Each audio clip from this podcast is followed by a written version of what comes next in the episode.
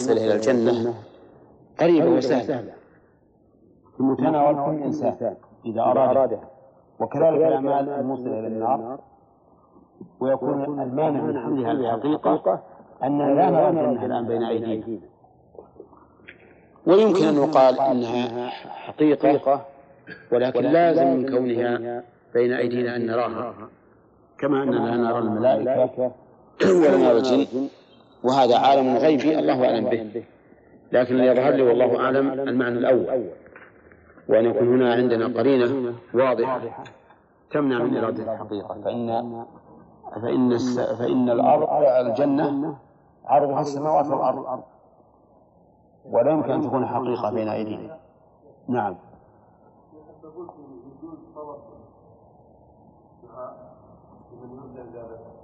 نعم. هل هذا خاص بالرسول. أم عام بكل صالح. ولهذا طلب عمر رضي الله عنه من العباس بن عبد المطلب أن يستسقي لهم. نعم. على الامتحان اللي ذكرناه المرة فاتت بالنسبة أبطلت عملك أنه الإبطال لعمل كله ويكون هذا بسبب إعجابه وإبداعه على الله. نعم. طيب يقول قائل أن الإعجاب هذا مقارن للعمل فيلزم أن يبطل بمجرد العمل. وفي سياق الحديث أن الإبطال حصل بهذه الكلمة لا ما يمكن هذا الرجل لما كان الإعجاب في قلبه لم يظهر أثره. لم يظهر أثره. لم يكن هناك علامة على على ما في قلبه من الإعجاب. فلما ظهر أثره تبين ما في قلبه. وأيضا الإعجاب قد يكون مقارنا للعمل وقد يكون بعده. حتى بعد العمل ربما الإنسان إذا عمل العمل أعجب وأدل على الله به ورأى أن له حقا. كما قال تعالى يمنون عليك أن أسلموا.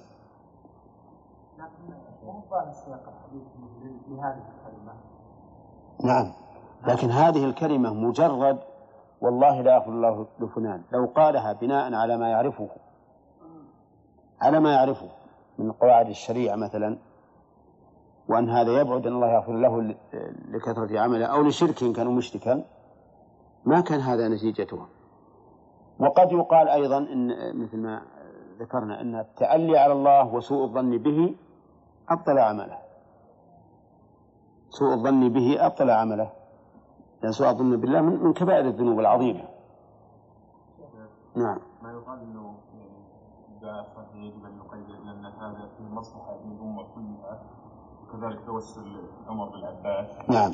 أما يعني كون الواحد الصالحين لمصلحة ذاتية نعم. ففيه إظهار فقر وذل نفسه له على كل حال إن, إن طلب الدعاء من الغير طلب الدعاء من الغير إذا كان لمصلحة عامة ما في شك أن هذا جائز والإنسان ما سأل لنفسه.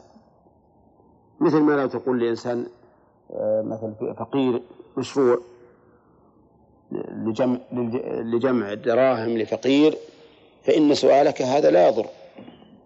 أو المشروع عام لمصلحة المسلمين عموما لكن الدعاء الخاص يجوز أنك تطلب من شخص ترجى إجابته أن يدعو لك لكن شيخ الإسلام يقول ينبغي في هذه الحال أن ينوي بذلك نفع المطلوب.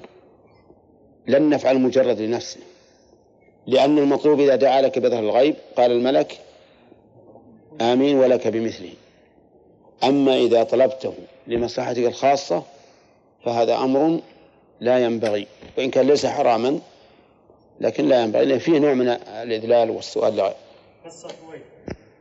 هذه أمر بها الرسول عليه الصلاة والسلام. نعم. يقال فيها إنه اصرار الرجل العابد عن الرجل العاصي هذا. سبب يعني وقوع الرجل العاصي من ملذته وقطع الرجل العابد عليه شهوته هذا. سبب في كراهته لهذا الشيء كيف؟ يعني قول المؤلف؟ نعم. المسألة الخامسة. أي نعم. يعني كراهة الرجل العاصي لقدوم الرجل عليه وهو في إثناء معصيته هذا يعتبر كراهة. امم أي نعم. قال هذا يعني سبب الذنوب. إيه لكن هو يكره الذنوب ولا يكره توبيخ هذا الرجل؟ له؟ يكره تكرار الرجل العابد عليه في أثناء وقوعه في لأن قطع الشهوة فيه نوع من الكراهه يعني كره كره الذنوب ولا كره؟ كره قدوم الرجل عليه وتكراره. إيه. والله ما هي ظاهر هذا اللي جدنا لكن أقرب شيء شيء ما قلتم بالأول إن ت- إن تكرار التوبيخ أمر لا لا يحبه الإنسان. نعم. وكذلك رؤية الإنسان على المعصية ما يحب أن أحد يراه. نعم. هل يعني ابطال العمل ما يكون أن أن الله هيأ الإنسان هذا للمعصيه عصى بعد الكلمة هذه وهذا تهيأ له والله يعني هذا محتمل لكنه ما دام عندنا سبب ظاهر علق به الحكم فإن الأولى أن نعتبر هذا السبب الظاهر. قال النبي صلى الله عليه وسلم سبحان الله سبحان الله فما زال يسبح. نحن عرفنا فيما سبق أن ما زال من أفعال الاستمرار. زال ما إذا دخل عليها ماء صارت تدل على الاستمرار كقوله تعالى ولا يزالون مختلفين إلا من رحم ربك وعملها عمل كان ترفع المبتدأ وتنصب الخبر. وجملة يسبح هذه هي الخبر فما زال يسبح. حتى عرف ذلك في وجوه أصحابه. عرف ذلك أي أثره. عرف أثر هذا التسبيح في وجوه أصحابه وأنهم تأثروا بذلك من كثرة تسبيح الرسول صلى الله عليه وسلم لأنهم علموا أن الرسول عليه الصلاة والسلام لا يسبح ويكرر هذا التسبيح إلا لأمر عظيم. ووجه التسبيح هنا أن الرجل ذكر جملة فيها شيء من التنقص لله تعالى. فسبح النبي صلى الله عليه وسلم ربه تنزيها له عما توهمه هذه الكلمة. ولهذا كان الرسول عليه الصلاة والسلام وأصحابه في السفر إذا هبطوا واديا سبحوا. تنزيها لله تعالى عن السفول الذي كان من صفاتهم. وإذا علوا نشزا كبروا تعظيما لله عز وجل وأن الله تعالى هو الذي له الكبرياء في السماوات والأرض. ثم قال يعني النبي صلى الله عليه وسلم قال ويحك أتدري ما الله؟ ويحك. هذه ويح كلمة منصوبة بعامل محذوف. تارة تضاف فيقال ويحك. وتارة تقطع عن الإضافة فيقال ويحا لك. وتارة ترفع وتارة تنصب. أما رفعها فهي على أنها مبتدأ. فيقال ويحه أو ويح له. والنصب على تقدير فعل محذوف. التقدير ألزمك الله ويحك. وهي وويل وويب وويس كلها تقال. قال ويل ويح ويب ويس. ومعناها متقارب. معناها متقارب. ولكن بعض أهل العلم باللغة يقول إن ويح كلمة ترحم ويل كلمة وعيد. فمعنى ويحك يعني إني أترحم لك وأحن عليك. ومنهم من يقول لا كلها كلمة تدل على التحذير. فعلى ال- القول بالفرق بين ويل وويح يكون ويح هنا ترحموا لهذا الرجل الذي سبح النبي صلى الله عليه وسلم من قوله هذا التسبيح المكرر فترحموا له. كأنهم رحموه لأنه فعل شيئا عظيما. وقوله أتدري ما الله؟ هذه جملة استفهامية. فما المراد بالاستفهام؟ المراد بالاستفهام التعظيم. المراد التعظيم. يعني أن أن شأن أن الله سبحانه وتعالى شأنه عظيم كما بينه فيما بعد. ويحتمل أن يكون المعنى أتدري ما الله؟ أي لا تدري ما الله بل أنت جاهل به. ويكون المراد بالاستفهام هنا النفي. وقوله ما الله هذه جملة استفهامية أيضا وهي معلقة لتدري عن العمل لأن درى تنصب مفعولين لكنها تعلق بالاستفهام عن العمل ويكون تكون الجملة في محل نصب. سدت مسد مفعولي تدري. ثم قال الرسول عليه الصلاة والسلام إن شأن الله أعظم من ذلك. إن شأن الله يعني أمره يعني أمره وعظمته أعظم من ذلك أي مما تصورت حيث جئت بهذا اللفظ. نستشفع بالله عليك. ثم قال إنه لا يستشفع بالله على أحد. لماذا؟ لكمال عظمته وكبريائه. والشفيع يكون دون المشفوع إليه غالبا. فإذا استشفعت بالله على أحد فمعنى ذلك أنك نزلت رتبة الله عن رتبة ذلك المشفوع إليه. وهذا لا شك نقص في التوحيد. قال وذكر الحديث أي تمامه. رواه أبو داود. وهذا الحديث فيه ضعف. ولكن معناه معناه صحيح. وأنه لا يجوز لأحد أن يقول أستشفع بالله عليك. فإن قلت أليس قد قال النبي صلى الله عليه وسلم من سألكم بالله فأعطوه. من سألكم بالله. وهذا دليل على جواز السؤال بالله. إذ لو لم يكن السؤال بالله جائزا لم يكن إعطاؤه واجبا. فكيف نجمع بين السؤال بالله وبين الاستشفاع بالله؟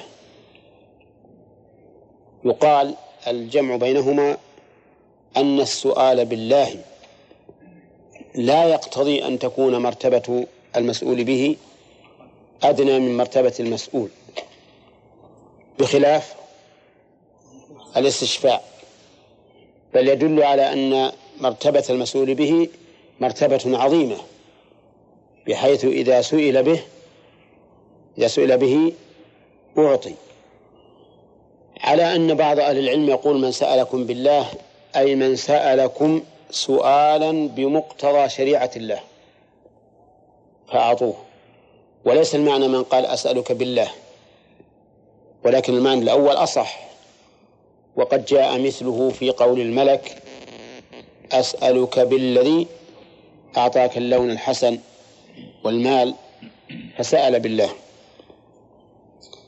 قال المؤلف رحمه الله تعالى فيه مسائل. الأولى إنكاره على من قال نستشفع بالله عليك.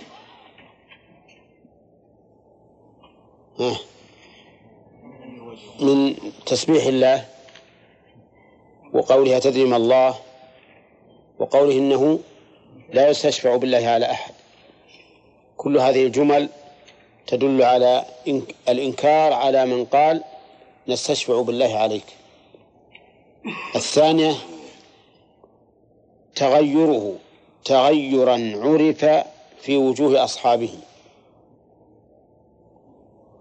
من قوله فما زال يسبح حتى عرف ذلك في وجوه أصحاب في وجوه أصحابه. وكونه يكرر سبحان الله سبحان الله سبحان الله هذا تغير حتى عرف في وجوه أصحابه. من هذه الكلمة. وهذا دليل على أن هذه الكلمة كلمة عظيمة منكرة. الثالثة أنه لم ينكر عليه قوله نستشفع بالله عليك. نشفع ب... نعم نستشفع بك على الله. ليش؟ لأنه قال إنه لا يستشفع بالله على أحد ولم يقل لا يستشفع بأحد. على الله. فدل هذا على أن المنكر أن يستشفع الإنسان بالله على على أحد من خلقه.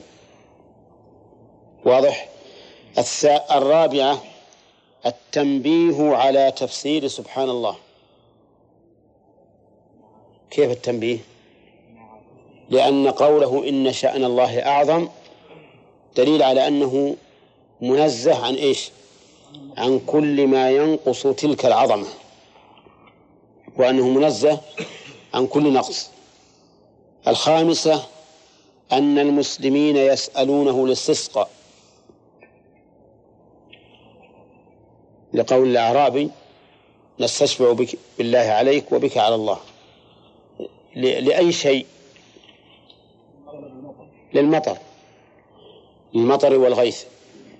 وقول المؤلف أن المسلمين يسألونه إنما هذا في حال حياته أما بعد وفاته فلا يسألونه.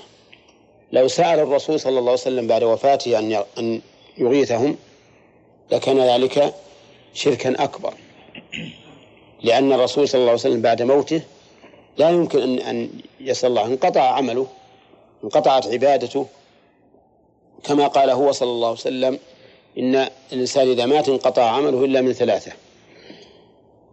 طيب.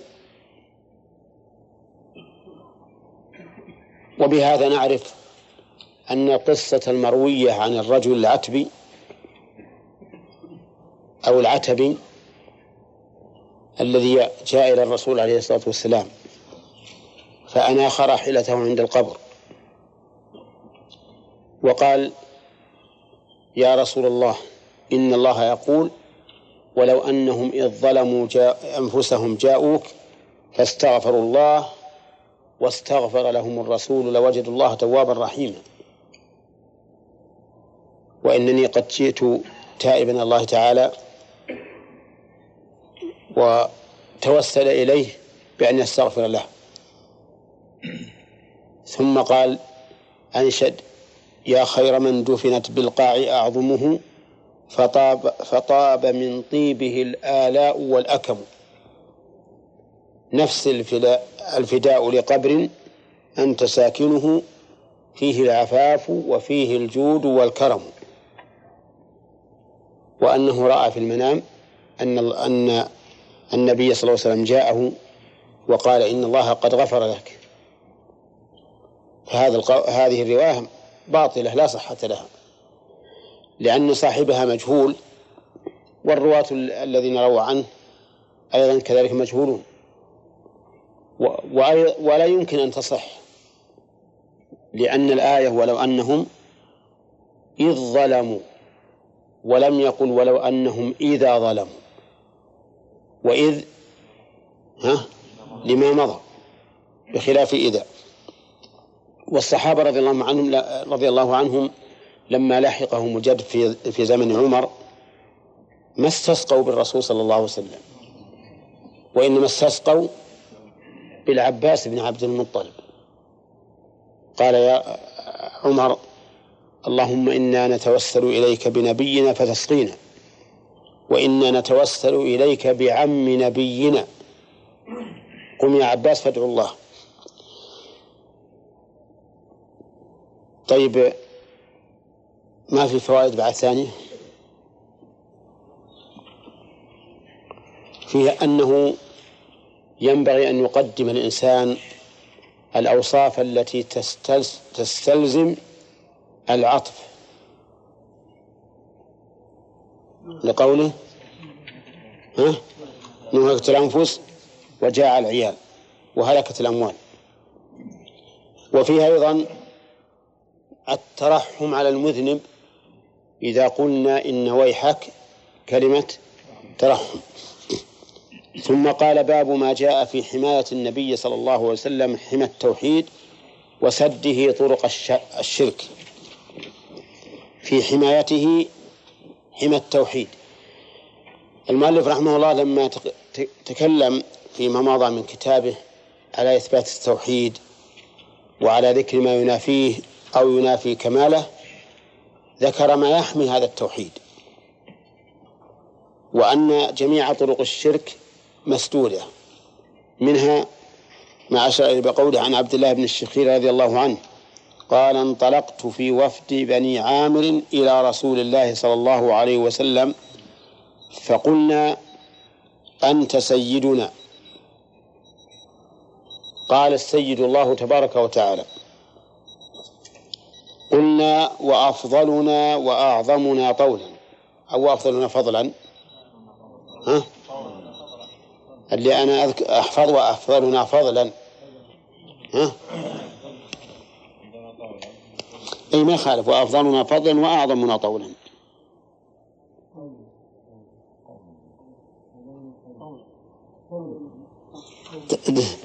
دقيقة دقيقة. وأفضلنا فضلا وأعظمنا طولا. هكذا. عندكم قولا؟ لا بالطاء بالطاء. طيب. فقال قولوا بقولكم أو بعض قولكم ولا يستجرينكم الشيطان. رواه أبو داود بسند جيد. يقول انطلقت في وفد بني عامر. وهذا الوفد الظاهر أنه قدم على النبي صلى الله عليه وسلم في العام التاسع. لأن العام التاسع من الهجرة كثر فيه الوفود إلى رسول الله صلى الله عليه وسلم. ويسمى ذلك العام عام الوفود. فقلنا أنت سيدنا. فقال السيد الله السيد هو ذو السؤدد والشرف.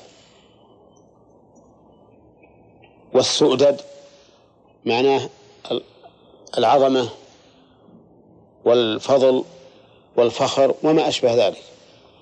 قالوا أنت سيدنا وسيد صفة مشبهة. على وزن؟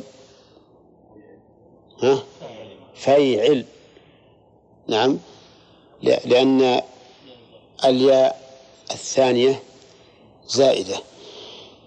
فقال السيد الله تبارك وتعالى ولم يقل النبي صلى الله عليه وسلم سيدكم بل قال السيد الله. وذلك لأن ال في السيد ال للعموم. ومعناه أن الذي له السيادة المطلقة هو الله. لكن السيد المضاف يكون سيدا باعتبار المضاف إليه مثل سيد بني فلان سيد البشر وما أشبه ذلك. أما السيادة المطلقة فهي لله عز وجل. فإن قلت السيد إذن من أسماء الله فالجواب نعم هي من أسماء الله وهي من معاني الصمد. الصمد. فإن ابن عباس فسر الصمد بأنه الكامل في علمه في حلمه في سؤدده وما أشبه ذلك. وقوله السيد الله لم ينههم عن قولهم أنت سيدنا. نعم. ولم يقرهم الإقرار الكامل. فهو ما نهاهم ولا أقرهم. ولكنه أشار إلى أنه لا ينبغي لهم أن يترقوا من السيادة الخاصة إلى السيادة العامة المطلقة. لأن سيدنا سيادة خاصة مضافة لكن السيد سيادة عامة مطلقة غير مضافة. فكأنه أرشدهم إلى أن لا يتجرؤوا حتى يترقوا من السيادة الخاصة إلى السيادة العامة. فقال السيد الله. طيب وهل الرسول عليه عليه الصلاة والسلام سيدنا؟ الجواب نعم سيدنا بلا شك لأنه سيد ولد آدم كما أخبر عليه الصلاة والسلام عن نفسه. ولكن المشكلة الآن أن كثيرا من الناس صاروا يطلقون لفظ السيد على من ليس بسيد. يطلقونه على من يصح أن تبدل الداء في حقه بها. نعم. نعم هكذا. وكذلك أيضا يطلقون السيادة على جنس النساء. فيقول هذه سيدة. ويكتب حمام رجال حمام سيدات. كان مقتضى العدد أن يقول حمام سادة.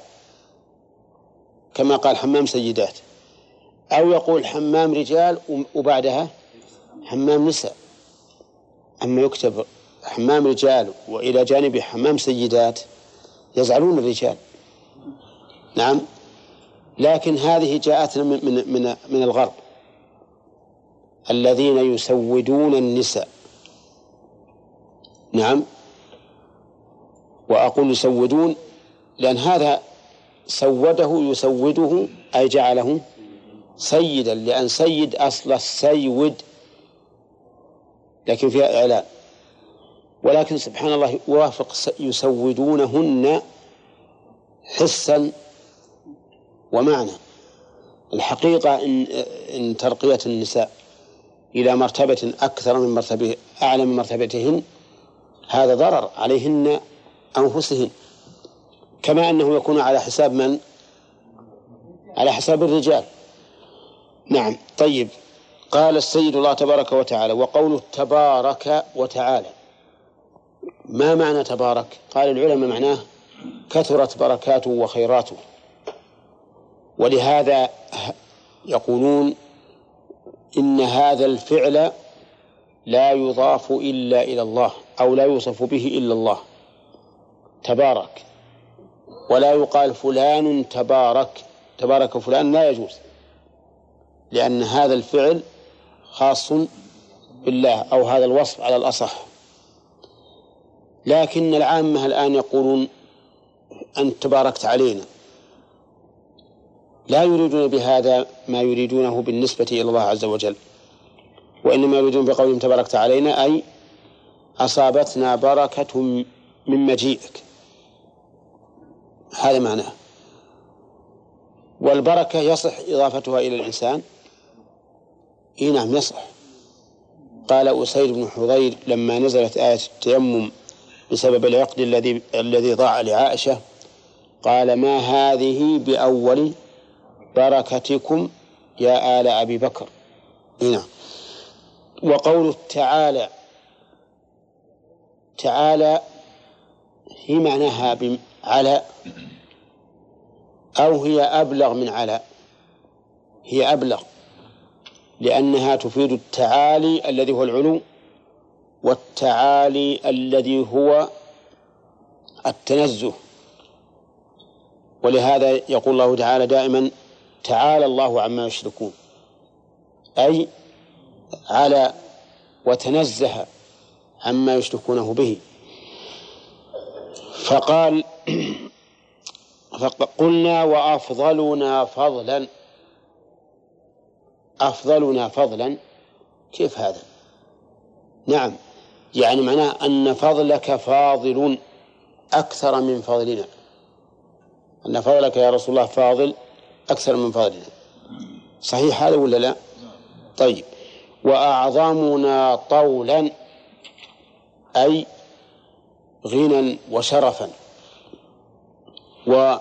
والطول بمعنى الغنى كما في قوله تعالى ومن لم يستطع منكم طولا أن ينكح المحصنات ويكون بمعنى العظمة كما في قوله تعالى غافل الذنب وقابل التوب شديد العقاب ذو الطول يعني ذو العظمة والإحسان والغنى.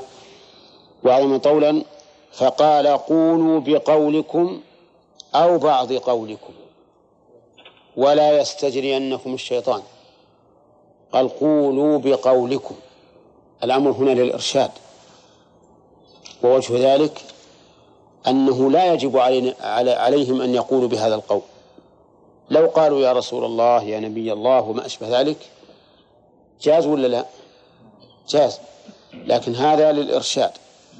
إلا أن يقال إن هذا الأمر يتضمن النهي عن النهي عن الزيادة. فيكون بمعنى لا تقول أكثر من ذلك فإذا حول إلى هذا المعنى صار الأمر إيش؟ للوجوب. صار الأمر للوجوب. وقوله قولوا بقولكم وش قولهم؟ أنت سيدنا أنت أفضلنا فضلا أنت أعظمنا طولا أو ببعض قولكم بأن تقول أنت سيدنا مثلا. أو أنت أفضلنا فضلا. ولا يست ولا يستجرينكم الشيطان. استجراه بمعنى جذبه جذبه وجعله يجري معه. فالمعنى لا يست لا يستميلنكم الشيطان ويجذبنكم إلى أن تقولوا قولا منكرا. غير معروف فأرشدهم الرسول عليه الصلاة والسلام هنا إلى بيان الأمر الذي ينبغي أن يفعل ونهاهم عن الأمر الذي لا ينبغي أن يفعل. نعم.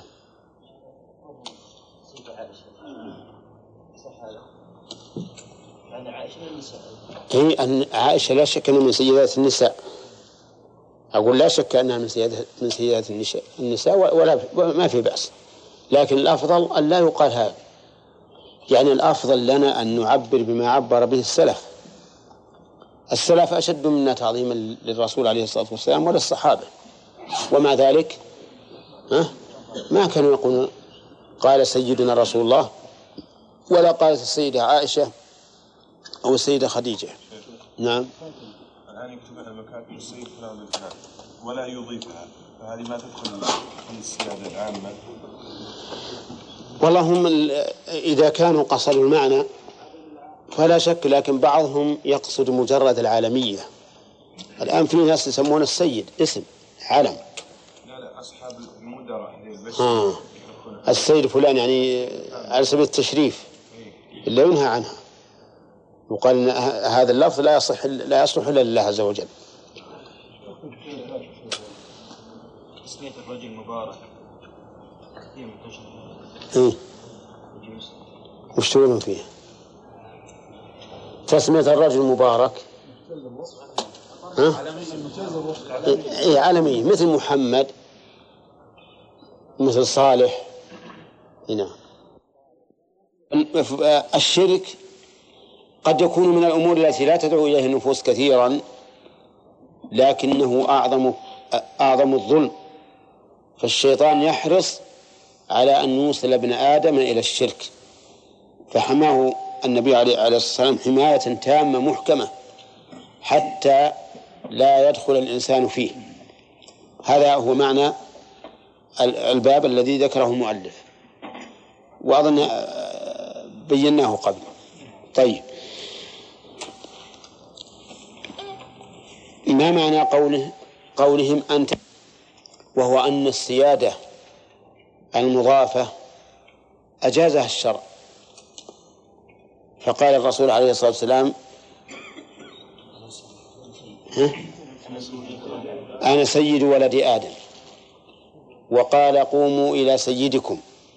قاله للأوس.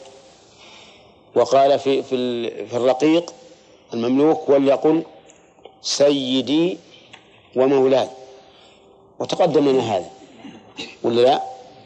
فكيف الجمع؟ اختلف العلماء في الجمع. إحنا ذكرناه لكم. طيب. اختلف العلماء في الجمع. فقال بعضهم إن النهي على سبيل الكراهة والأدب والإباحة على سبيل الجواز وأنه ليس النهي للتحريم حتى يعارض الجواز. وقال آخرون بل النهي حيث يخشى منه المفسدة وهو التدرج إلى الغلو والإباحة. نعم حيث لا يكون في ذلك محذور. وقال بعضهم إن النهي في الخطاب أن تخاطب الغير بقولك سيدي أو سيدنا أو ما أشبه ذلك بخلاف الغائب لأنه إذا خوطب الشخص بهذا الاسم فربما يكون في نفسه عجب وعلو وترفع ثم إن فيه شيئا آخر وهو خضوع هذا المتسيد خضوع هذا المتسيد له وإذلال نفسه له بخلاف ما إذا جاء على سبيل الغيبة مثل قوموا إلى سيدكم أو مثل أنا سيد ولد آدم. إلا أن هذا الجمع يرد عليه إباحة النبي صلى الله عليه وسلم للرقيق أن يقول لسيده لمالكه سيدي. سيدي فإن هذا إضافة. ولكنهم قد يجيبون عن ذلك. بأن قول تذلل الرقيق لسيده أمر مطلوب.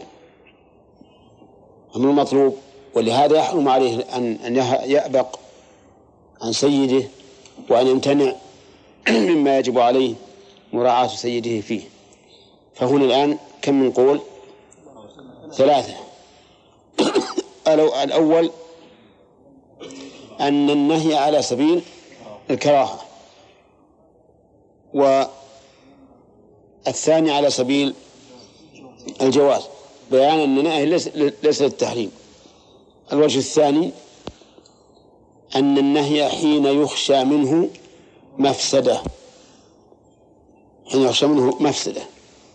بغلو المتسيد لهذا السيد أو نحو ذلك. والثالث أن الإباحة حيث لا يكون المسيد أو المسود مواجها بالتسييد أو بالتسويد ها؟ من ساد يسود. نعم. لأنه إذا خوطب بذلك أدى إلى إعجابه وترفعه وتكبره من وجه وإلى إذلال المتسود له من وجه آخر. حيث يخاطبه بوجه يقول أنت أرفع مني. ففيه نوع إذلال يا فهد. وأنت عبد الله؟ أولى أما على سبيل الغيبة مثل ها سيد بني فلان كما قال الرسول عليه الصلاة والسلام من سيدكم يا بني؟ آه، عبد القيس؟ آه، نسيت يا بني فلان. قالوا سيدنا الجد بن قيس. إلا أنا نبخله قال وأي داء أدوأ من البخل فقال من سيدكم كقوله في في الأوس قوموا إلى سيدكم وكذلك قوله أنا سيد ولد آدم وأورد على هذا الاحتمال على هذا الجمع إيش؟ ما من الذي ولد رشاد؟ ما الذي ولد؟ فيواجهه؟ إيه؟ فأباح له أن يواجهه بذلك. طيب وأجيب؟ لسيده؟ لا. نعم. طيب. وأن هذا لا بأس به بالنسبة بين السيد ورقيقه. والذي يظهر لي والله أعلم أن هذا جائز لكن بشرط أن يكون هذا الموجه إليه السيادة. أهلا لذلك. أما إذا لم يكن أهلا فإنه لا يقال له هذا. مثل لو كان فاسقا أو زنديقا أو ما أشبه ذلك فإنه لا يمكن للمسلم أن يقول له يا سيدي مهما كان. حتى لو فرض أنه أعلى منه رتبة أو جاها أو آه، شرفا أو ما أشبه ذلك فلا يقول له هذا. وقد جاء في الحديث لا تقولوا للمنافق سيد فإنكم إذا قمتم إذا قلتم ذلك أغضبتم الله. لأنه ليس بسيد في الواقع. فإذا كان أهلا لذلك وقاله الإنسان وليس هناك محذور فلا بأس به. لا بأس أن يقول سيدي أو أو أن يقول يا سيدنا. وأما إذا خشي المحذور فإنه فإنه لا يجوز.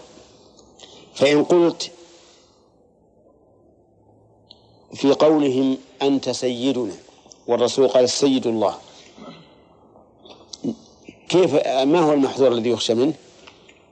يخشى أن هؤلاء ها يغلون في الرسول عليه الصلاة والسلام غلوا كاملا لأنهم كما يبدو حديث عهد بإسلام لأنهم جاءوا وفدا. ثم قال وعن أنس رضي الله عنه أن ناسا قالوا يا رسول الله يا خيرنا وابن خيرنا وسيدنا وابن سيدنا. يا رسول الله هذا نداء طيب. لا تجعلوا دعاء الرسول بينكم كدعاء بعضكم بعضا. المعنى لا تنادوه كما ينادي بعضكم بعضا. فتقول يا محمد ولكن قولوا يا رسول الله يا نبي الله. ومعنى آخر في الآية لا تجعلوا دعاء الرسول يعني إذا دعاكم الرسول لا تجعلوا دعاءه كدعاء بعضكم بعضا إن شئتم وجبتم وإن شئتم لم تجيبوا. فكقوله فهو كقوله يا أيها الذين آمنوا استجيبوا لله وللرسول إذا دعاكم لما يحييكم. المهم أن قولهم يا رسول الله دعاء سليم. طيب يا خيرنا. صح هو خيرهم. وابن خيرنا. ها؟ هذا غير صحيح. لأن أبا الرسول صلى الله عليه وسلم ليس بمسلم. ولكن إن أرادوا بالخيرية خيرية القبلية فهذا صحيح.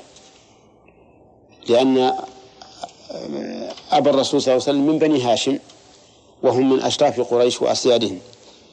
وكذلك نقول في سيدنا وابن سيدنا. فقال يا أيها الناس قولوا بقولكم ولا يستهوينكم الشيطان. قولوا بقولكم الذي خاطبتموني به أولا وهو يا رسول الله.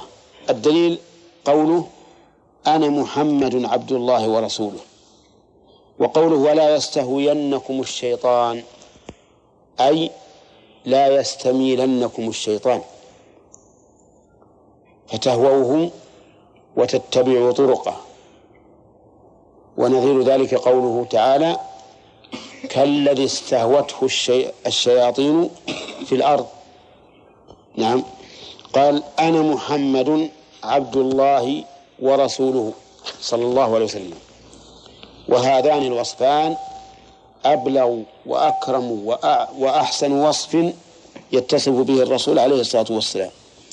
ولذلك ذكر الله تعالى وصف نبيه صلى الله عليه وسلم بالعبودية في أعظم المقامات. فذكره في مقام الإنزال. إنزال القرآن عليه.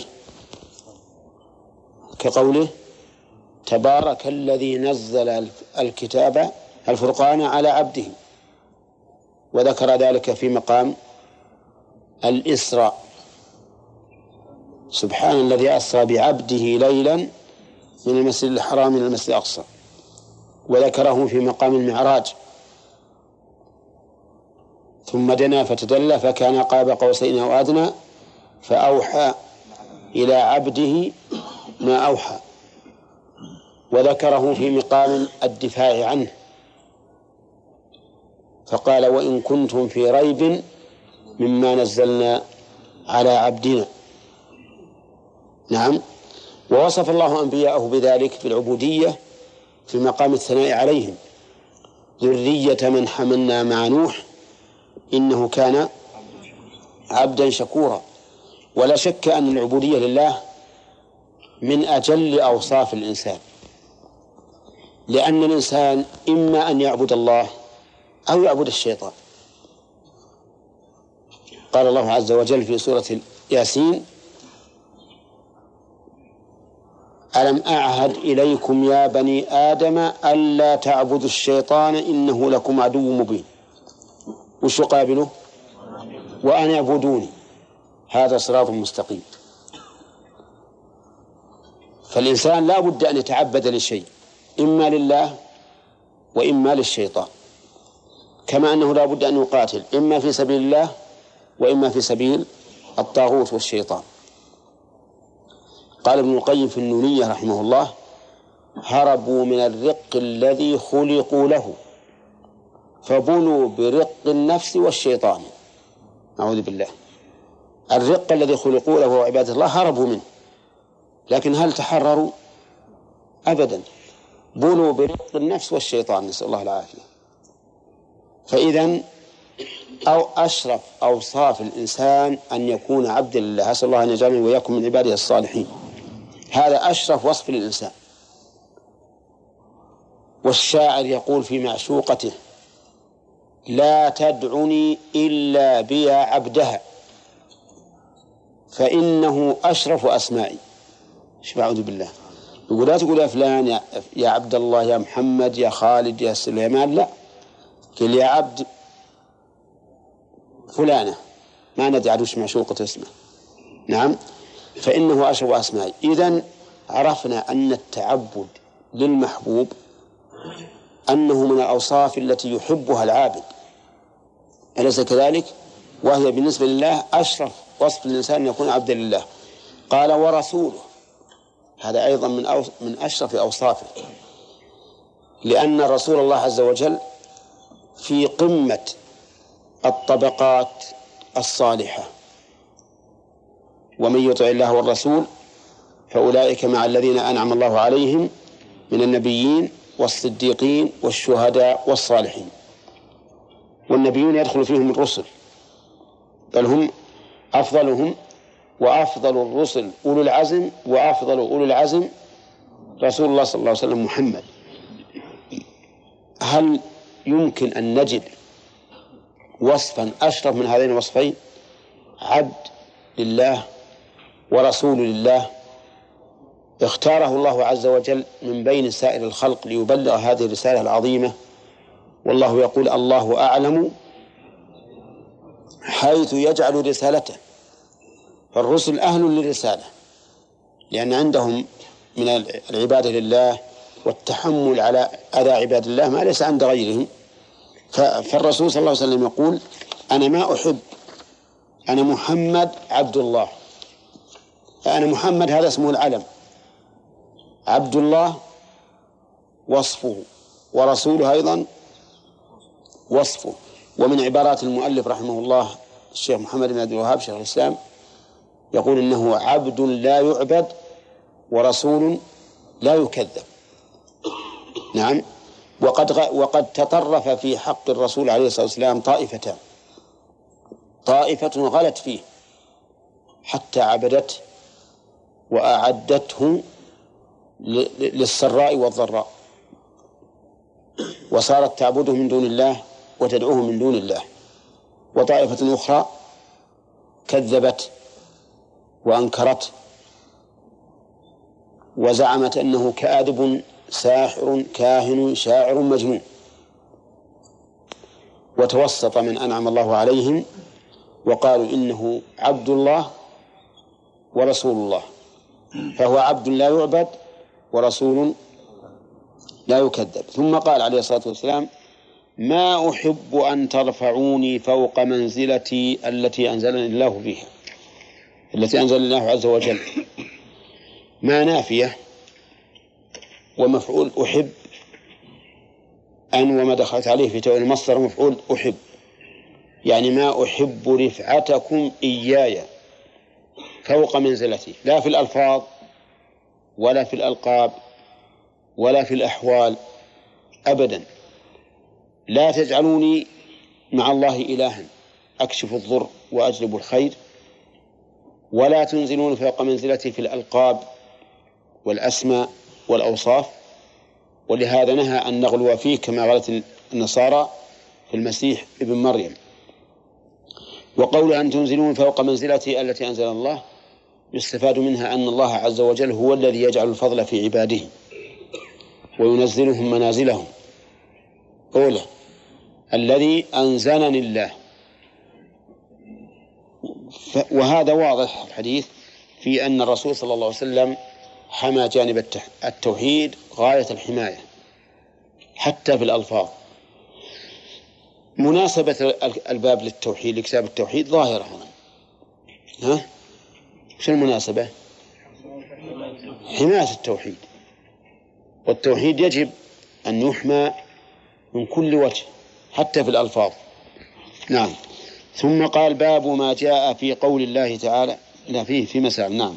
فيه مسائل. الأولى تحذير الناس من الغلو. نعم. من أين من أين تؤخذ؟ ها؟ ولا يستهوينكم ولا يستجرينكم الشيطان. وجه التحذير المؤلف ما قال نهي الناس. وجه التحذير أن الرسول صلى الله عليه وسلم أضاف هذا إلى الشيطان. والإنسان يجب عليه أن يحذر من كل ما كان من طرق الشياطين. يا أيها الذين آمنوا لا تتبعوا خطوات الشيطان. ومن يتبع خطوات الشيطان فإنه يأمر بالفحشاء والمنكر. ولهذا نهينا أن نأكل باليسار أو نشرب باليسار. ليش؟ لأن الشيطان يأكل بشماله ويشرب بشماله ولكن أنا آكل طعام وبشرب إذا أخذت الإناء باليد اليمنى تلوث بالطعام ثم أتعب الناس اللي يغسلونه بعد وش وش الحيلة؟ ها؟ يعني نسخ القلاش ولا نسخ السنة إيه. تمام. يقول نو- نوسخ الإناء ولا نوسخ السنة. صحيح؟ طيب على أنه يمكن أن لا توسخ الإناء. ما يمكن؟ تضع مثلا على راحتك. ها؟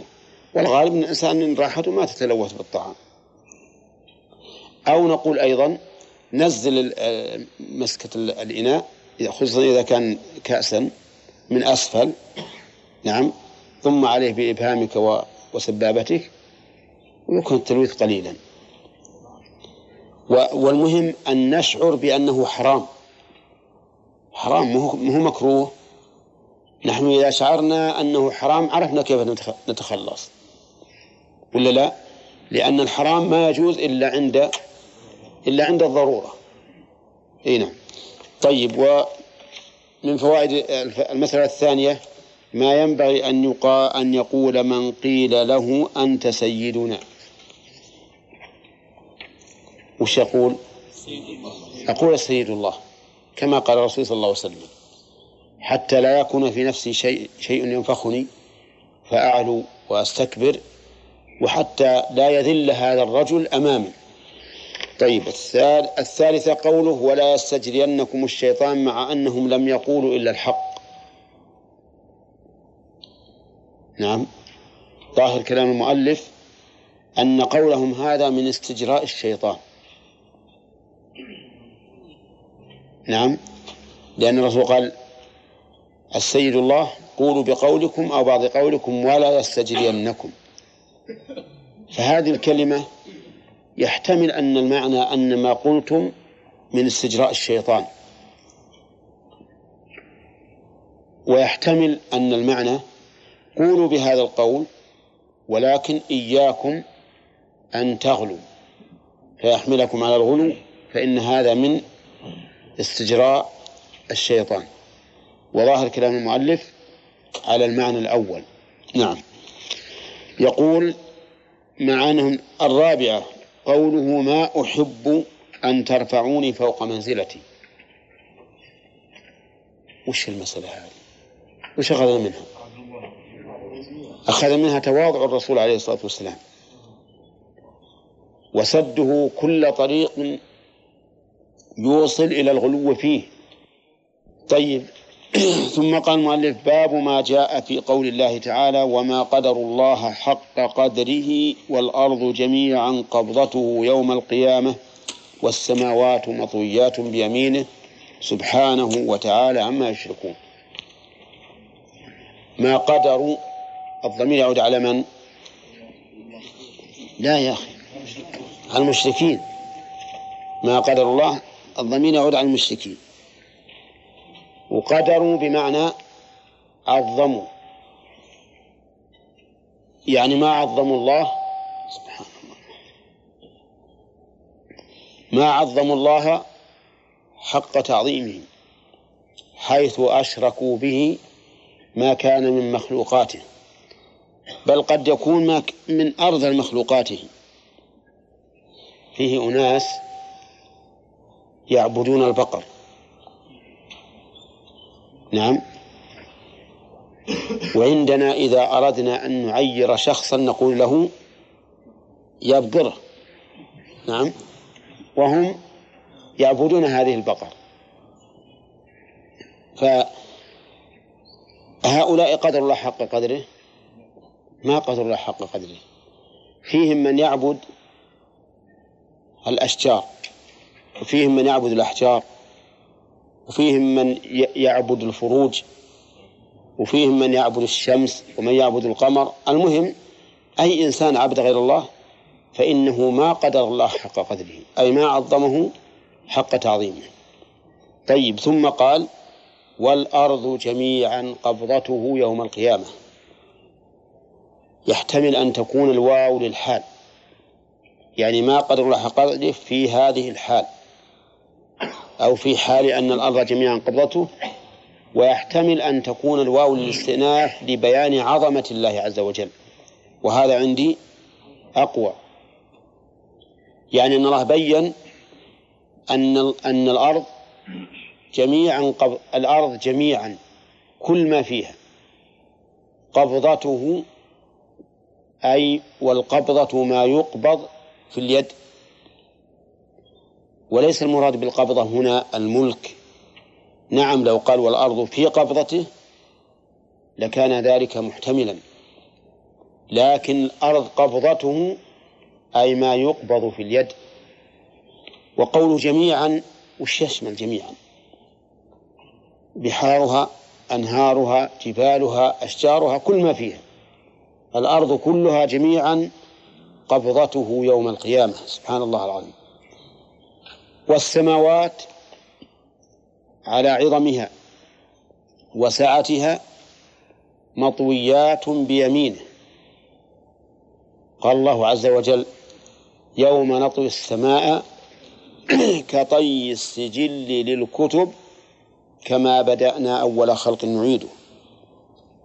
هذه السماوات العظيمة يطويها الله عز وجل بيمينه مثل ما يطوي الإنسان الصحيفة. وطي الإنسان للصحيفة سهل ولا صعب؟ سهل. ولكن طي الله للسماوات أسهل. والسماوات مطويات بيمينه سبحانه وتعالى عما يشركون. سبحانه تنزيها له عن كل نقص وعيب. ومما ينزه عنه هؤلاء الأنداد. فإنه سبحانه وتعالى منزه عنها. وقوله تعالى ذكرنا فيما سبق أن تعالى مأخوذة من العلو لكن صيغتها بهذه الصيغة تعالى تدل على علو مع تنزه وترفع عن النقائص. نعم. وتعالى عما يشركون يعني عن كل شرك يشركونه به.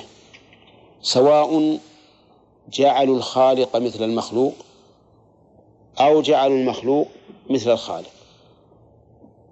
فهو منزه عز وجل عن الشركاء سواء رفعت المخلوق حتى جعلته بمنزلة الخالق أو نزلت الخالق فجعلته في منزلة المخلوق. فالله عز وجل منزه عن ذلك. والمشركون به على هذين النحوين. قوم غلوا في المخلوق حتى جعلوه بمنزلة الخالق. وهذا كثير. وآخرون جعلوا الخالق بمنزلة المخلوق مثل الممثلة الذين يمثلون الله بخلقه. والكل قوم مشركون. وفي عندي في مسألة الإعراب عما يشركون. ما اسم موصول؟ والجملة صلة الموصول. أين الرابط أو العائد؟ وش التقدير؟ عما يشركونه به؟ عما يشركونه به أي يجعلونه شريكا مع الله. هل يمكن أن نقول إن هذا دليل على جواز حذف العائد؟ نعم. المجرور بالحرف وإن لم يكن مماثلا للحرف الذي جر الموصول. ها؟ ولا لا؟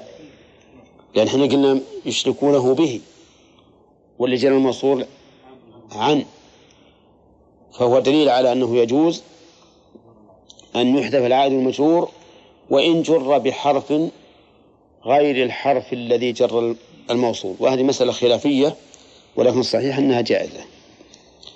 قال عن ابن مسعود رضي الله عنه قال جاء حبر من الأحبار إلى رسول الله صلى الله عليه وسلم. حبر من الأحبار الحبر هو العالم الكثير العلم. وهو من أحبار بني إسرائيل من اليهود. وإذا قارنت بين الحبر والبحر وجدتهما يتفقان في الاشتقاق لكن مع اختلاف الحروف. حبر وبحر. ولهذا أحيانا يسمى العالم بالحبر وأحيانا يسمى بالبحر. ابن عباس رضي الله عنه يسمونه البحر ويسمونه الحبر. طيب حبر من الأحبار إلى رسول الله صلى الله عليه وسلم فقال فقال يا محمد. ليش ما قال يا رسول الله؟ غير مسلم. ليس بمسلم. وهو لا يعتقد أنه رسول الله. لأنه لو يعتقد أنه رسول الله لقال يا رسول الله. طيب وإنا نجد أن الله يجعل السماوات على إصبع والأراضين على إصبع والشجر على إصبع والماء على إصبع والثرى على إصبع وسائر الخلق على إصبع. فيقول أنا الملك. يقول من؟ الله عز وجل. ومتى يكون هذا الجعل؟ ها؟ يكون يوم القيامة. طيب إنا نجد في أي شيء؟ إما في التوراة أو في الإنجيل. والأغلب أنه في التوراة لأنه اليهود هم الذين في المدينة فيها اليهود. طيب يقول فرحك النبي صلى الله عليه وسلم حتى بدت نواجذه تصديقا لقول الحبر. ضحك تصديقا لقول الحبر. كلمة ضحك لولا ما بعدها لكانت تحتمل أن يكون إنكارا وأن يكون إقرارا. لأن من حدثك بحديث لا تطمئن إليه نعم تضحك مما نقله لك وليس بصحيح. لكنه قال تصديقا لقول الحبر.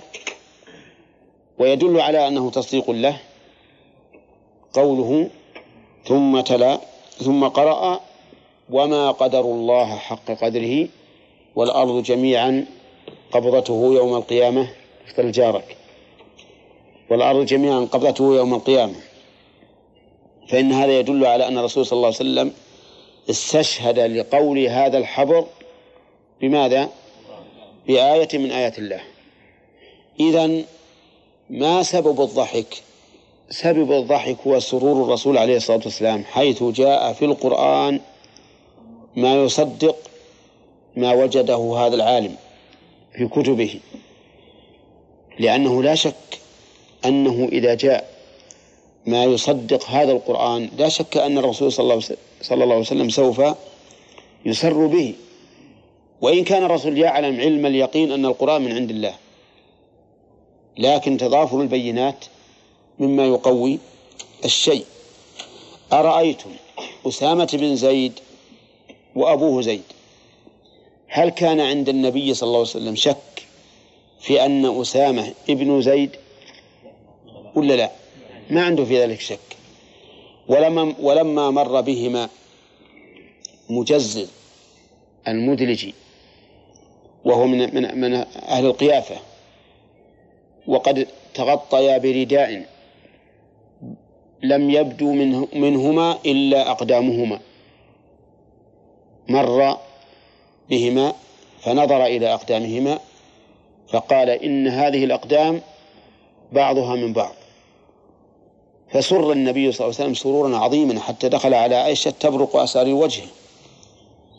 وقال لها ألم تري إلى مجزز المدلج؟ نظر إلى أسامة بن زيد وإلى زيد فقال إن هذه الأقدام بعضها من بعض. هذا الحديث هو معناه. المهم أن الرسول دخل مسرورا تبرق أسارير وجهه.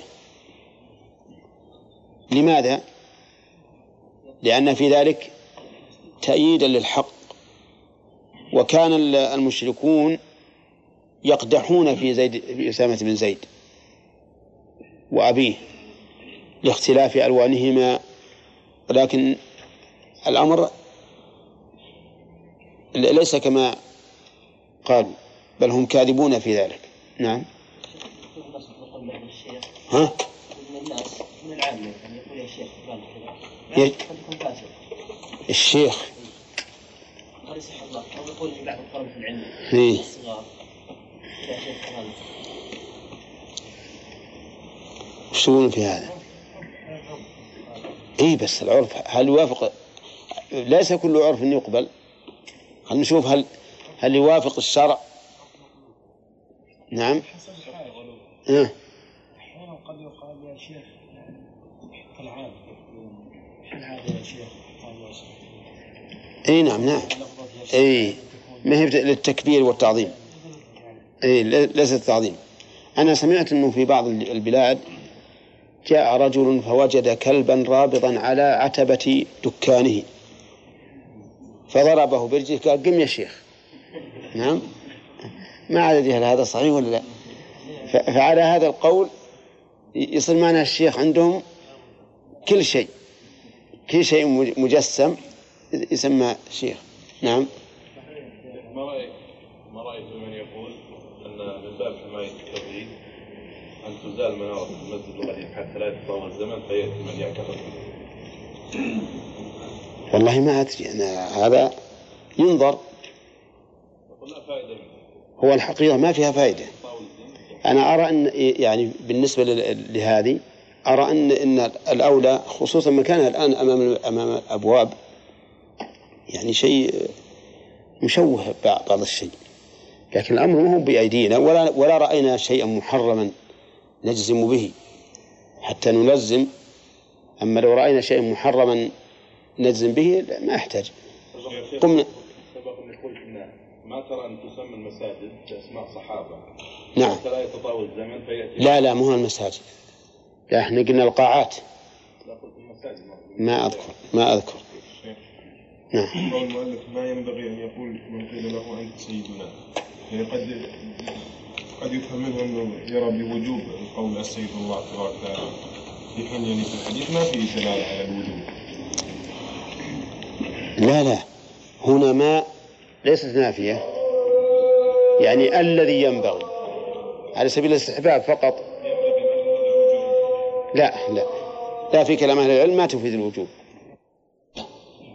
توحيد الربوبية وتوحيد الألوهية وتوحيد الأسماء والصفات. وهذا يتعلق بتوحيد الأسماء والصفات. بتوحيد الأسماء والصفات. نعم. توحيد الربوبية هو إفراد الله تعالى بالخلق ها؟ والملك والتدبير. وتوحيد الألوهية هو إفراد الله تعالى بالعبادة.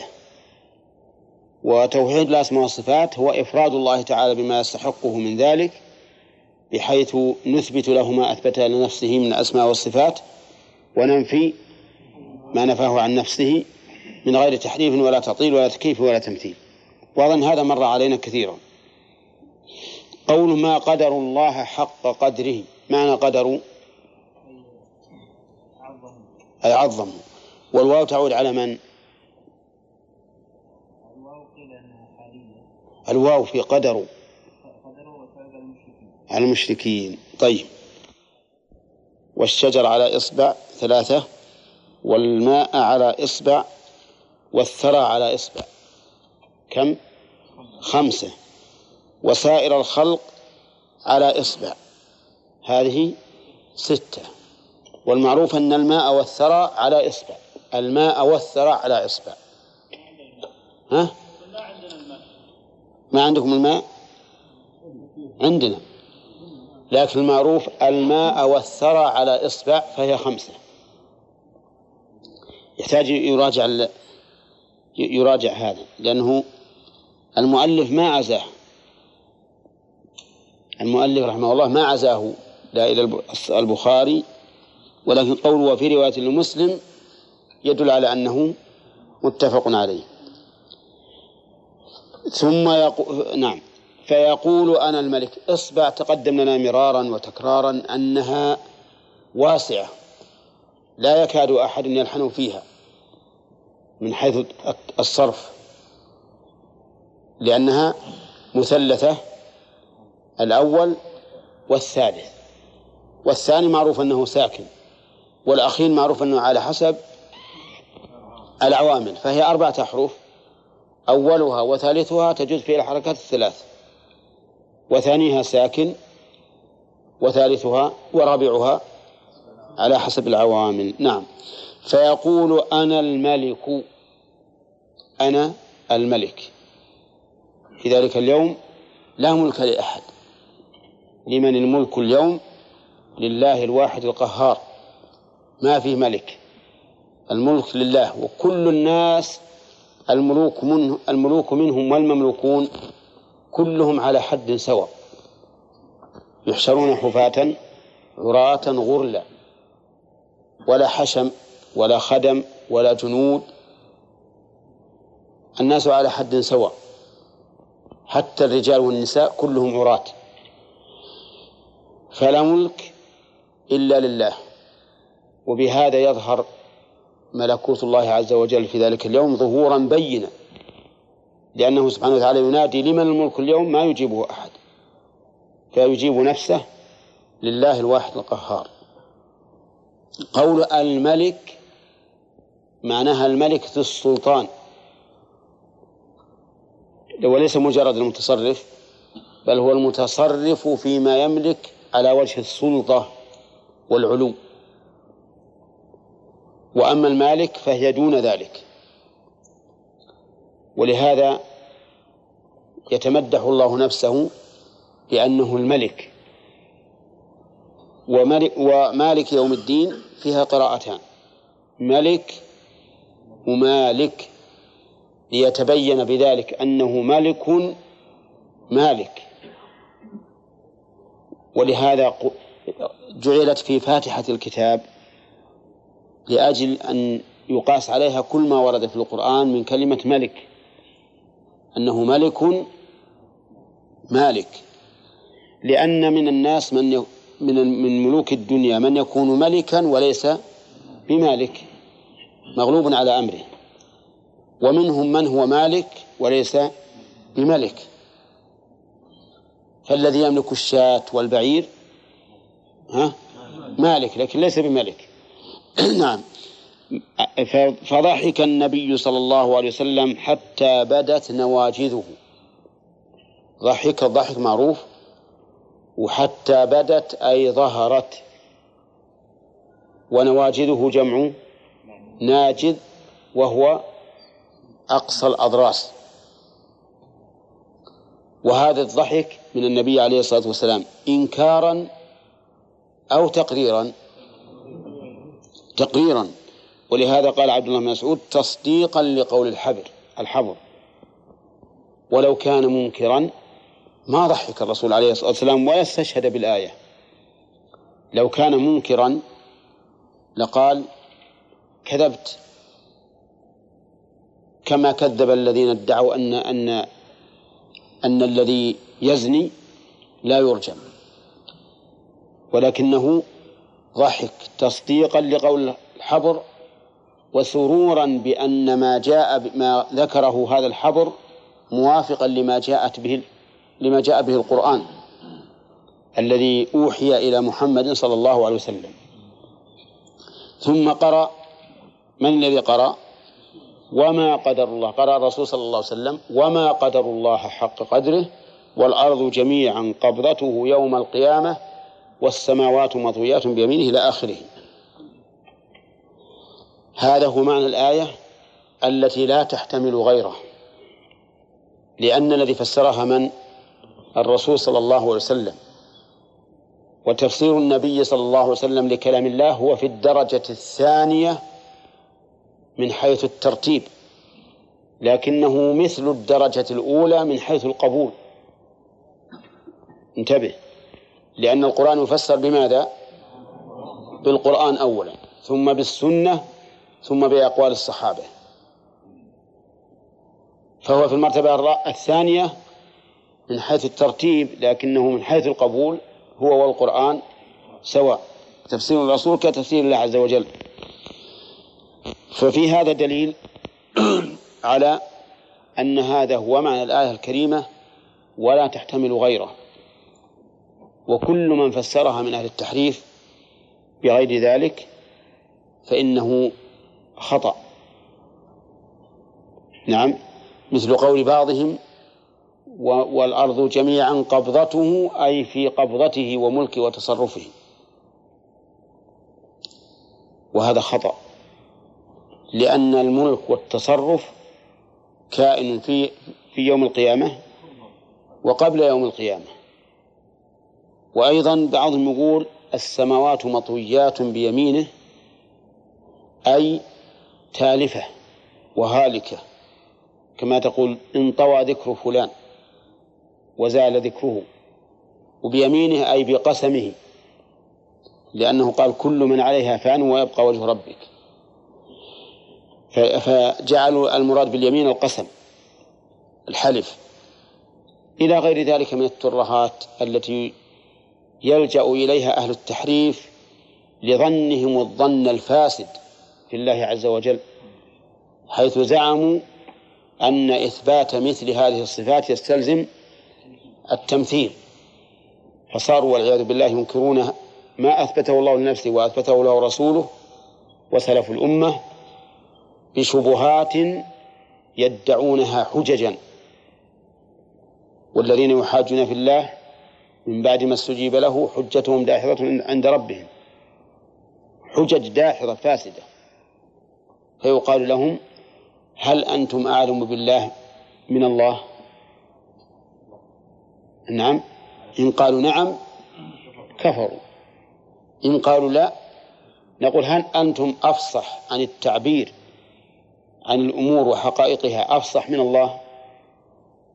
إن قالوا لا إن قالوا نعم كفروا وإن قالوا لا خصم قلنا لماذا؟ الله عز وجل بين ذلك أبين تبيان بأنه بأن الأرض جميعا قبضته يوم القيامة والرسول عليه الصلاة والسلام أقر الحبر على ما ذكر فيما يطابق الآية. فهل أنتم أفصح من الله. طيب هل أنتم أنصح من الرسول عليه الصلاة والسلام لعباد الله؟ أبدا. ولا أنصح من الله أيضا لأن الله عز وجل يقول يريد الله ليبين لكم. يبين الله لكم أن تضلوا.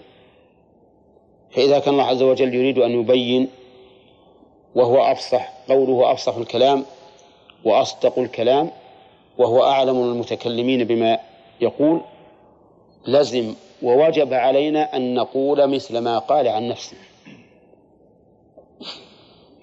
وإذا قلنا بذلك هل هل نحن مذنبون؟ أبدا. لأنه إذا سئلنا يوم القيامة فالسؤال موجه ماذا ماذا اعتقدتم بما أخبر الله عن نفسه؟ إن قلنا اعتقدنا ما دل عليه كلامه نعم سلمنا. وإن قلنا ذهبنا يمينا ويسارا وقعنا في الهلاك والعطب. ففي الآية إذن عدة مسائل. وكذلك في الحديث. أولا إثبات الأصابع لله عز وجل. إثبات الأصابع لله. الدليل إقرار النبي صلى الله عليه وسلم هذا الحبر على ما قال. وما هو الإصبع؟ الإصبع إصبع حقيقي يليق بالله عز وجل كما أن اليد يد حقيقية تليق بالله سبحانه وتعالى. وليس المراد على إصبع المراد معناه سهولة التصرف في السماوات والأرض كما يقول القائل وش هذه؟ مسألة بسيطة. أقول بصبعي ولا تهمني نعم؟ لأن بعضهم يقول هكذا. على إصبع كناية عن سهولة التصرف فيها وتمام القدرة. نقول هذا خطأ. لأن الرسول أثبت ذلك بإقراره وثبت عنه أيضا أنه قال إن قلوب بني آدم بين أصبعين من أصابع الرحمن. بين أصبعين. وش قالوا هم؟ لما قالوا بين أصبعين قال تعال هل تحس أن الله يلمس قلبك؟ ها؟ وش الجواب؟ لا إذا وش ما يمكن الحديث يكون يدل على معنى غير موجود. نقول لهم يجب علينا أن نقبل ما قال الرسول عليه الصلاة والسلام. ولا يلزم من البينية المماسة. بدليل قوله تعالى والسماء والسحاب المسخر بين السماء والأرض. والسحاب المسخر بين السماء والأرض. السحاب هو يمس الأرض؟ يمس السماء؟ لا. وهو بينهما. وتكون مثلا عنيزة بين الزلف والرس. ويلزم أن تكون مماثلة لها لهما متصلة بهما ما يلزم. وتقول شعبان بين ذي القعدة وجمادة ولا يلزم أن يكون مو... يعني مواليا له. ما يلزم. وحينئذ يتبين أن البينية لا يلزم منها الاتصال. سواء في الزمان أو أو في المكان. وهكذا نقول في في فيما قال الرسول عليه الصلاة والسلام بين أصبعين ولا يلزم من ذلك المماسة ولا أن تكون أصابع الله عز وجل في الأرض. كما ثبت عنه صلى الله عليه وسلم أن الإنسان إذا كان يصلي فإن الله تعالى قبل وجهه. وهل يلزم من المقابلة أن يكون أن يكون بينك وبين الجدار؟ نعم. جدار القبلة ولا ما يلزم؟ ما يلزم. وقبل وجهك وإن كان في على عرشه. وأضرب مثلا لذلك بالشمس. الشمس عندما تكون في الأفق. تكون أمامك وممكن تكون أمامك وقبل وجهك ولا لا؟ ها؟ وهي في في أوج العلا. نعم. فتبين بهذا أن هؤلاء الجماعة المحرفين الذين يريدون أن يقيسوا الله عز وجل بما يكون للبشر أو للمخلوق. ثم بعد ذلك ينكرون ما أثبت الله لنفسه بناء على هذا الظن الفاسد أنهم على ضلال. وأن من قال إن طريقتهم أعلم وأحكم فقد ضل. لأن في عبارة مشهورة يقولون طريقة السلف أسلم. وطريقة الخلف أعلم وأحكم.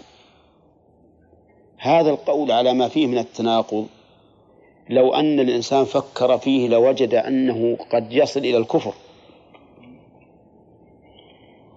أولا فيه التناقض. إحنا ترى لو رحنا بكم شوي لأن المقام مهم. التناقض الذي فيه يقول طريقة السلف أسلم.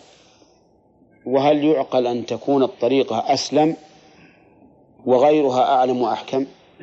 لا. لأن الأسلم يستلزم أن يكون أعلم وأحكم.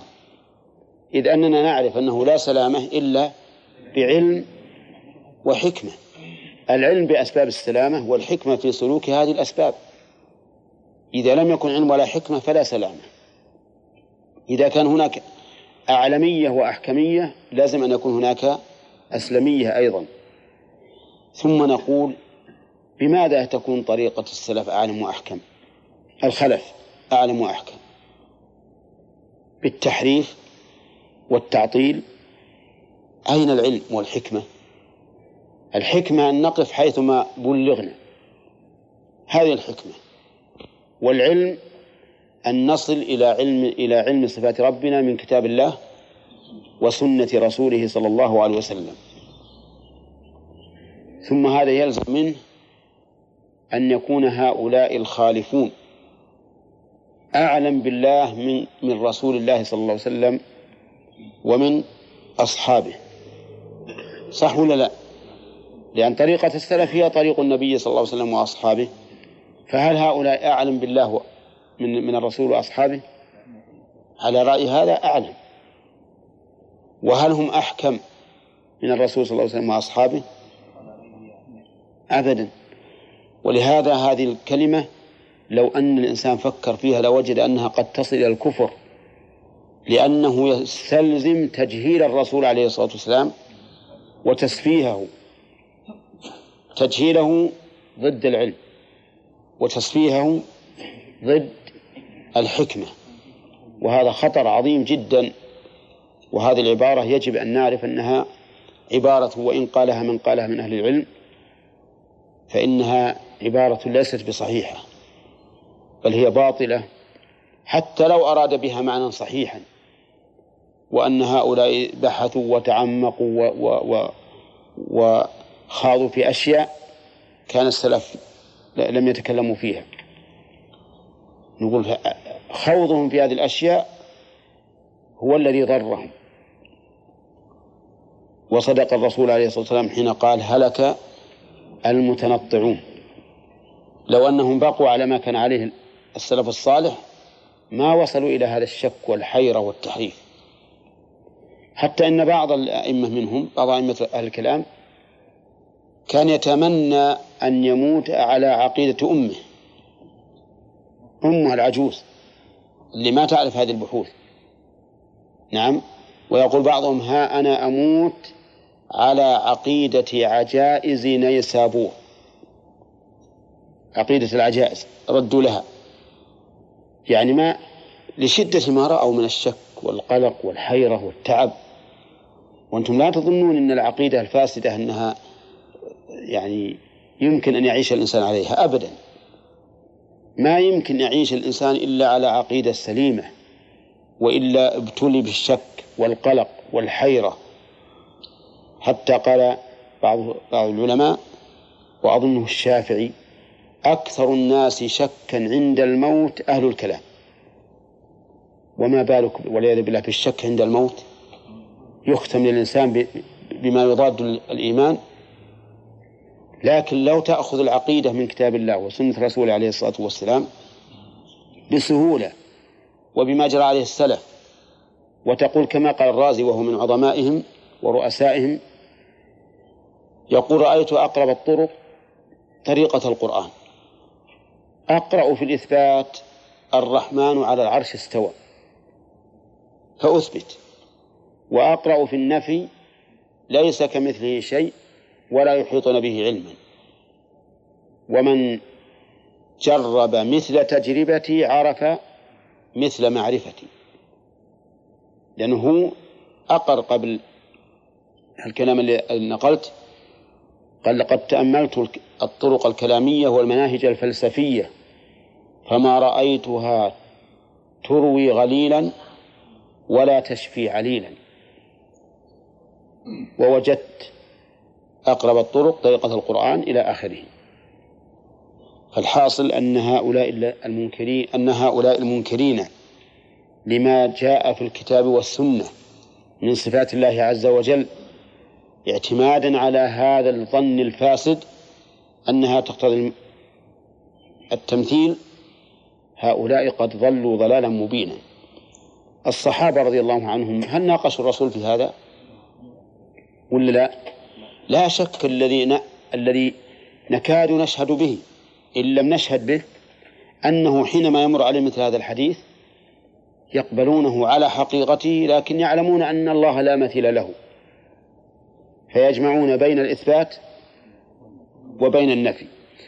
إذا ما هو موقفنا مثل من مثل هذا الحديث؟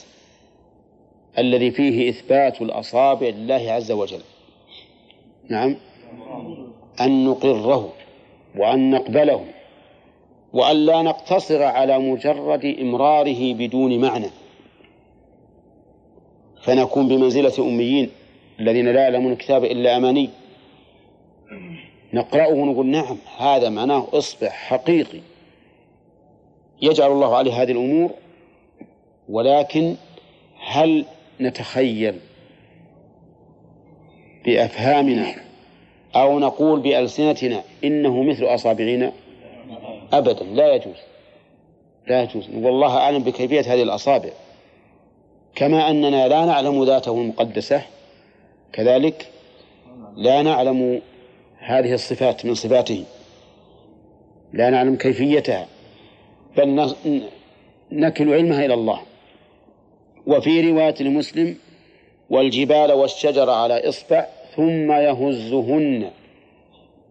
يهزهن. هزا حقيقيا أو معنويا.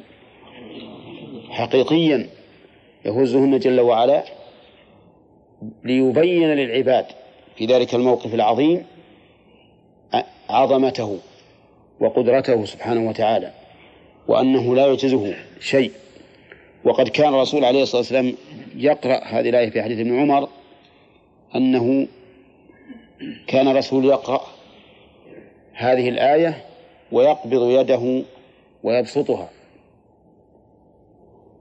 يقول ويهزهن فصار المنبر يتحرك يهتز حتى قلت لا يخرن برسول الله صلى الله عليه وسلم من شدة هز المنبر ليش؟ لأن الرسول صلى الله عليه وسلم كان يتكلم بهذا الكلام وقلبه مملوء بتعظيم الله سبحانه وتعالى والمنبر يسمع ولا ما يسمع؟ ها؟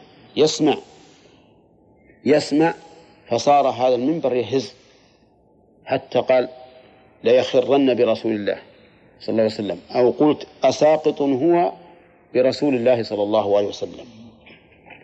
لا تقول هذا جماد ما ما يشعر. يشعر الجذع الجذع اللي كان الرسول يخطب إليه لما صنع المنبر قام الرسول عليه الصلاة والسلام يخطب على المنبر وش فعل الجذع؟ كم يحن.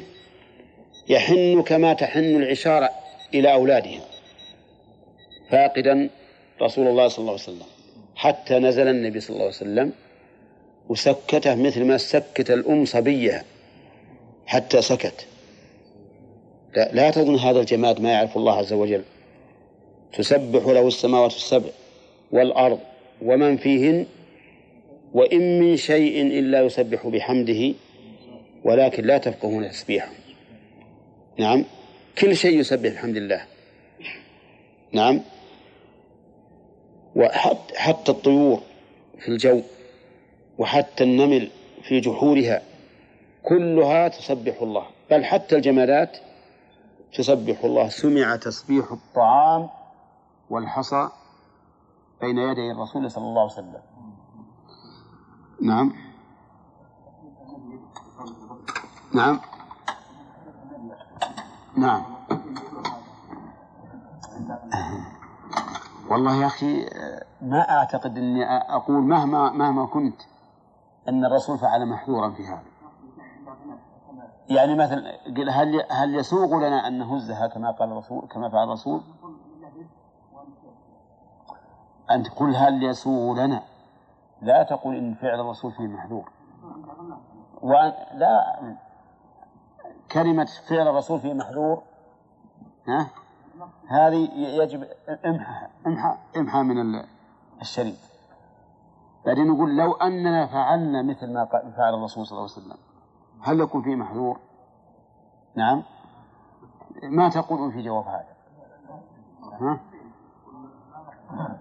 ما ورد عن أنه أشار. نعم.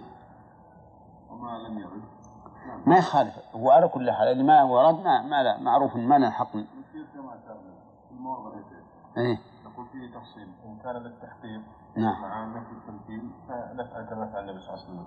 وإن كان لشبهة القلب كما يفعل وكما قال الإمام أحمد وددت لو تقطع يده مكان يمثل الله عز وجل فهنا ما يحكم. هو هي هو الحقيقة ينبغي أن يكون فيه تفصيل. أولا أنه ليس كل من من شاهد أو سمع يتقبل ذهنه ذلك بغير أن يش- يشعر بالتمثيل افرض أنك تخاطب عوام. تبي تقول مثلا آه، تمثل كما مثل الرسول عليه الصلاة والسلام. أنا أعتقد أن العامي على طول سوف يعتقد التمثيل. لأنه عامي ما يدرك. فهذه ينبغي أن نكف لأن هذا ليس بواجب حتى نقول. يجب علينا أن نبلغ كما بلغ الرسول بالقول وبالفعل. وليس بواجب. وأما إذا كنا نتكلم مع طلبة علم نعم أو مع إنسان مكابر ينفي هذا ويريد أن يحول الأمر إلى معنى لا إلى حقيقة إيه إلى مجاز لا إلى حقيقة. فحينئذ نفعل كما فعل الرسول عليه الصلاة والسلام. مثل لو قال قائل إن الله سميع بصير قال سميع بلا سمع وبصير بلا بصر. مع أن الرسول عليه الصلاة والسلام حينما قرأ إن الله يأمركم أن تؤدوا الأمانات إلى أهلها وإذا حكمتم من الناس أن تحكموا بالعدل إن الله نعم ما يعظكم به. إن الله كان سميعا بصيرا وضع أصابعه على عينه وعلى أذنه. وأبو هذا حينما حدث به كذلك. فهذا الإنسان اللي بيقول سميع بلا سمع وبصر بلا بصر. هذا نقول هكذا. كذلك اللي بينكر حقيقة اليد. يقول أبد. ما الله ما يقبل السماوات بيمينه ولكن المعنى أنها في في قبض